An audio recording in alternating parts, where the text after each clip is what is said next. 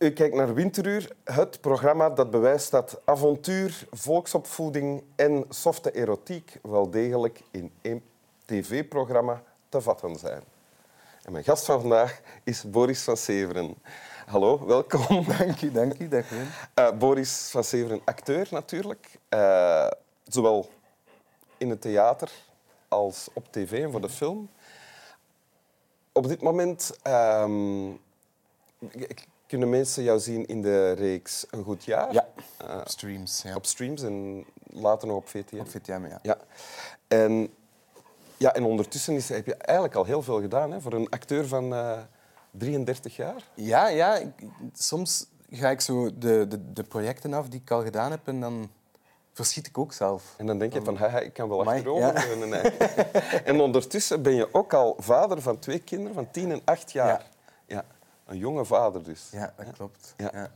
Maar dat was wel ay, dat was een, een, bewuste beslissing ergens. Omdat ik dacht van... Um, ik heb mijn vader heel jong verloren. Als ik 15 was. En hij was dan 48. En uh, ik dacht van, ik ga nooit ik ga ook nooit ouder worden dan 48, dus moet ik mijn kinderen vroeg krijgen, zodat ik ze langer zie dan dat ik mijn vader heb gezien. Dat ik, ja, ja. Wat dat eigenlijk een beetje een rare uh, kronkel is in uw brein, maar ik denk dat dat dan wel is hoe dat een brein werkt. En stel dat het klopt dat jij ook maar 48 wordt, dan heeft uw oudste zoon u toch nog 25 jaar gekend. Ja, kijk, Dat, is al, dat is al proper, toch? Ja, dat is proper. en dat brengt ons ook allemaal naadloos bij de tekst die je hebt meegebracht. Wil je die voorlezen? Ik wil die heel graag voorlezen.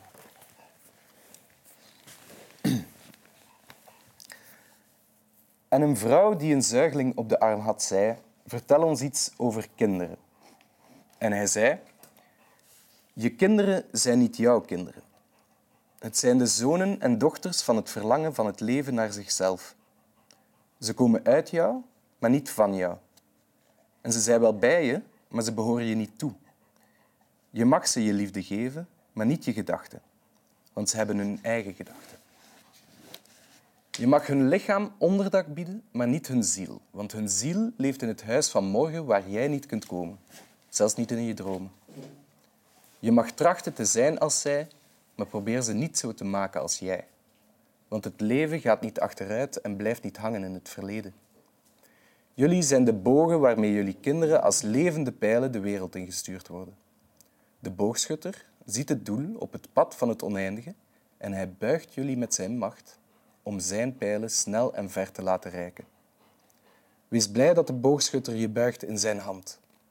Want hij heeft de pijl die wegvliegt lief, maar ook de bestendige boog.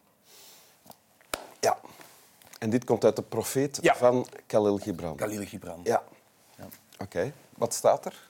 Er staat dat je kinderen entiteiten op zich zijn en dat ze niet, um, niet afhankelijk moeten zijn van u als ouder.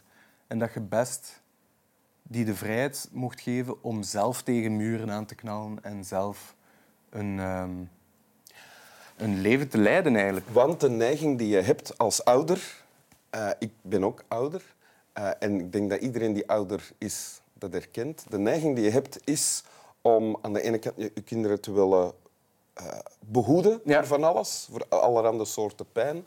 Uh, dus ga je ze controleren. Tegelijkertijd wil je ook vaak dat kinderen iets reflecteren van jezelf. Uh, kinderen moeten beleefd zijn. Ik, zeg maar, ja. ja. ik ben beleefd. Ik wil dat mijn kinderen of dat mensen denken dat ik een slechte ouder ben enzovoort.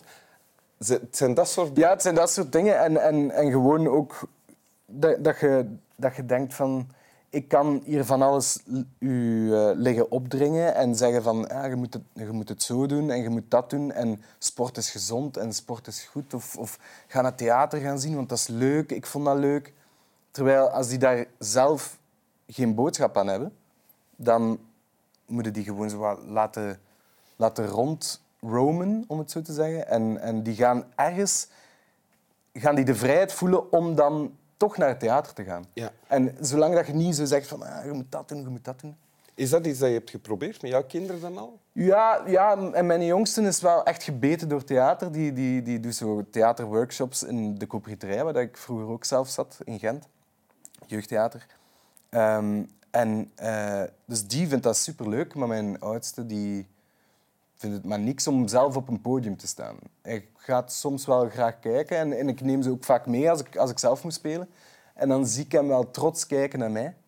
En dat is ook, Maar, dat is eh, maar heb je dan iets moeten loslaten op een bepaald moment, ook voor je oudste? Toen je Eh, zegt van ja, dat is eigenlijk... niet Ja, echt. ja ik, ik vraag het altijd aan hem van wilde mee. En als hij zegt nee, dan zoek ik een andere oplossing voor, voor hem. Heb jij dit, di- deze idee hè, die verwoord wordt in deze tekst, dat namelijk uw kinderen zijn niet uw kinderen, dat zijn aparte mensen, dat zijn andere mensen. Eh, heb je dat altijd gehad? Nee, nee, absoluut niet. Nee, want de, ik, ey, het, was, het was Frances die, die eh, mij dat boek gaf en zei van je moet eens lezen. En zeker over die kinderen, omdat ik vaak heel hard ehm, het, het gevoel heb dat ik geen goede ouder ben. En ik denk dat dat eigen is aan ouder zijn. Dat je denkt van ah, hoe kan ik het beter doen en, en wat moet ik doen om, om die een gelukkig leven te laten leiden. Ja. Terwijl de, wat hij hier schrijft is gewoon laat ze los. En daar, het enige wat dat ze nodig hebben is de liefde van de ouder. En, en voor de rest niks. Niks van, van hou vastjes en... en, En en- wat deed je dan voordien, dat je nu niet meer deed? Ja, ik probeer ze wel echt los te laten. Hè. En, en, en dat, dat manifesteert zich dan in bijvoorbeeld vroeger zat ik altijd naast hun eh, het huiswerk te maken. En nu denk ik van, eh, nu vraag ik op het einde van de dag van is uw huiswerk gemaakt? En als ze zeggen ja, dan onderteken ik de agenda en dan kijk ik het zelfs niet meer na. Alleen als ze zelf om hulp vragen. gaat Alleen dat. als ze zelf om hulp vragen, tuurlijk, tuurlijk. Maar ik vind dat dat ook een beetje... Ze moeten verantwoordelijkheid beginnen krijgen. Ay, ze zijn nu tien en acht. Die mogen best zelf... En lukt dat dan? Als ze dan Ja. zeggen van ja, ik heb mijn huiswerk gemaakt, hebben ze het dan? Ja, ene keer niet. Dus dan krijg je dan een nota van de, van de leerkracht en dan confronteer ik hen daarbij, daarmee. En dan is dat... En, wa- en als, je dan, als je het nu zo aanpakt, wat levert dat op voor jou? Voor mij een rust. Ja, absoluut. En een rust in... ehm, ja, ik, heb, ik heb het geluk dat ik zo jong ben, eh, zo jong vader ben geworden, dat ik nu eigenlijk zo wat twee kleine vriendjes altijd bij mij heb. Alleen niet altijd, want ze zijn de helft van de tijd bij hun moeder en de helft van de tijd bij, bij ons. Eh, maar dat is heel fijn. En, en, ehm, en ik probeer dan buiten in de tuin met hun te connecteren in plaats van dingen op te dringen aan, aan hun. Ja, ja. En gingen jouw ouders ook zo met jou om? Dat voor zover je dat nog weet ik echt niet meer. Nee?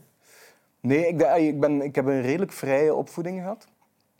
Ehm, maar het was dan vooral mijn moeder, want mijn vader eh, was ook heel veel weg van ons. En, en eh, ze waren ook gescheiden. Ehm, dus dat was dan vooral mijn moeder. En eigenlijk, als ik, als ik er nu over terugdenk, mochten wij heel veel van mijn moeder. Mochten wij echt alles bijna. Zolang dat we maar eerlijk waren. Ah ja. En als, als, we zo, als ik dan 15 of 16 was en ik ging uit, dan was er niet echt een uur dat ik moest terug zijn. Maar ik moest wel altijd naar haar bed komen en zeggen dat ik thuis was. Ook al was het vier uur s'nachts? Ja, vijf uur, zes uur, maakt niet uit. Oké. Ja. Dus in die zin wel. En heb je dat altijd gedaan dan? Ja, ja, ja, altijd. En eigenlijk, het, het goede was dat... Mama, mama, je bent thuis, hè? Nee, maar het goede was dat ik soms... Als je zo een uur krijgt van je ouders, hè, veel vrienden van mij, was dat dan drie uur of, of twee uur of zo, dan bleven die ook echt tot twee uur en tot de laatste, eh, tot de laatste minuut waren die pinten aan het hijsen. En dan, zelfs al was het feest niet zo leuk. En ik had soms zoiets... Als ik op een feest was en het was niet leuk, dan was ik soms om twaalf uur al thuis. Ah ja. ja. Dus ik denk dat dat mij ook wel... Toen Eh. al op weg heeft gezet om dit, de kern van de- Ja. deze gedachte, nu in praktijk te zetten. Ja, Ja, dat oké. denk ik wel. Een tip voor alle ouders die kijken. Wil je het nog eens voorlezen? Ik wil het heel graag nog eens voorlezen. Als ik het nog vind. Oei. Dichtgeslagen. Nee. Mijn hond is ook niet mijn hond, bedenk ik me nu. Ik kan die niet dwingen om hier te blijven liggen. Hè. Anders moet je het van, van de muur volgen. Dat kan ook. En een vrouw die een zuigeling op de arm had, zei... Vertel ons iets over kinderen. En hij zei... Je kinderen zijn niet jouw kinderen. Het zijn de zonen en de dochters van het verlangen van het leven naar zichzelf. Ze komen uit jou, maar niet van jou. En ze zijn wel bij je, maar ze behoren je niet toe. Je mag ze je liefde geven, maar niet je gedachten. Want ze hebben hun eigen gedachten. Je mag hun lichaam onderdak bieden, maar niet hun ziel. Want hun ziel leeft in het huis van morgen, waar jij niet kunt komen, zelfs niet in je dromen. Je mag trachten te zijn als zij, maar probeer ze niet te maken als jij. Want het leven gaat niet achteruit en blijft niet hangen in het verleden. Jullie zijn de bogen waarmee jullie kinderen als levende pijlen de wereld ingestuurd worden. De boogschutter ziet het doel op het pad van het oneindige en hij buigt jullie met zijn macht om zijn pijlen snel en ver te laten reiken. Wees blij dat de boogschutter je buigt in zijn hand, want hij heeft de pijl die wegvliegt lief, maar ook de bestendige boog. Dank u. Alsjeblieft. Slap wel. Zonen en dochters van het verlangen van het leven naar zichzelf. Dat zijn we allemaal. Ja, dat zijn we allemaal een beetje.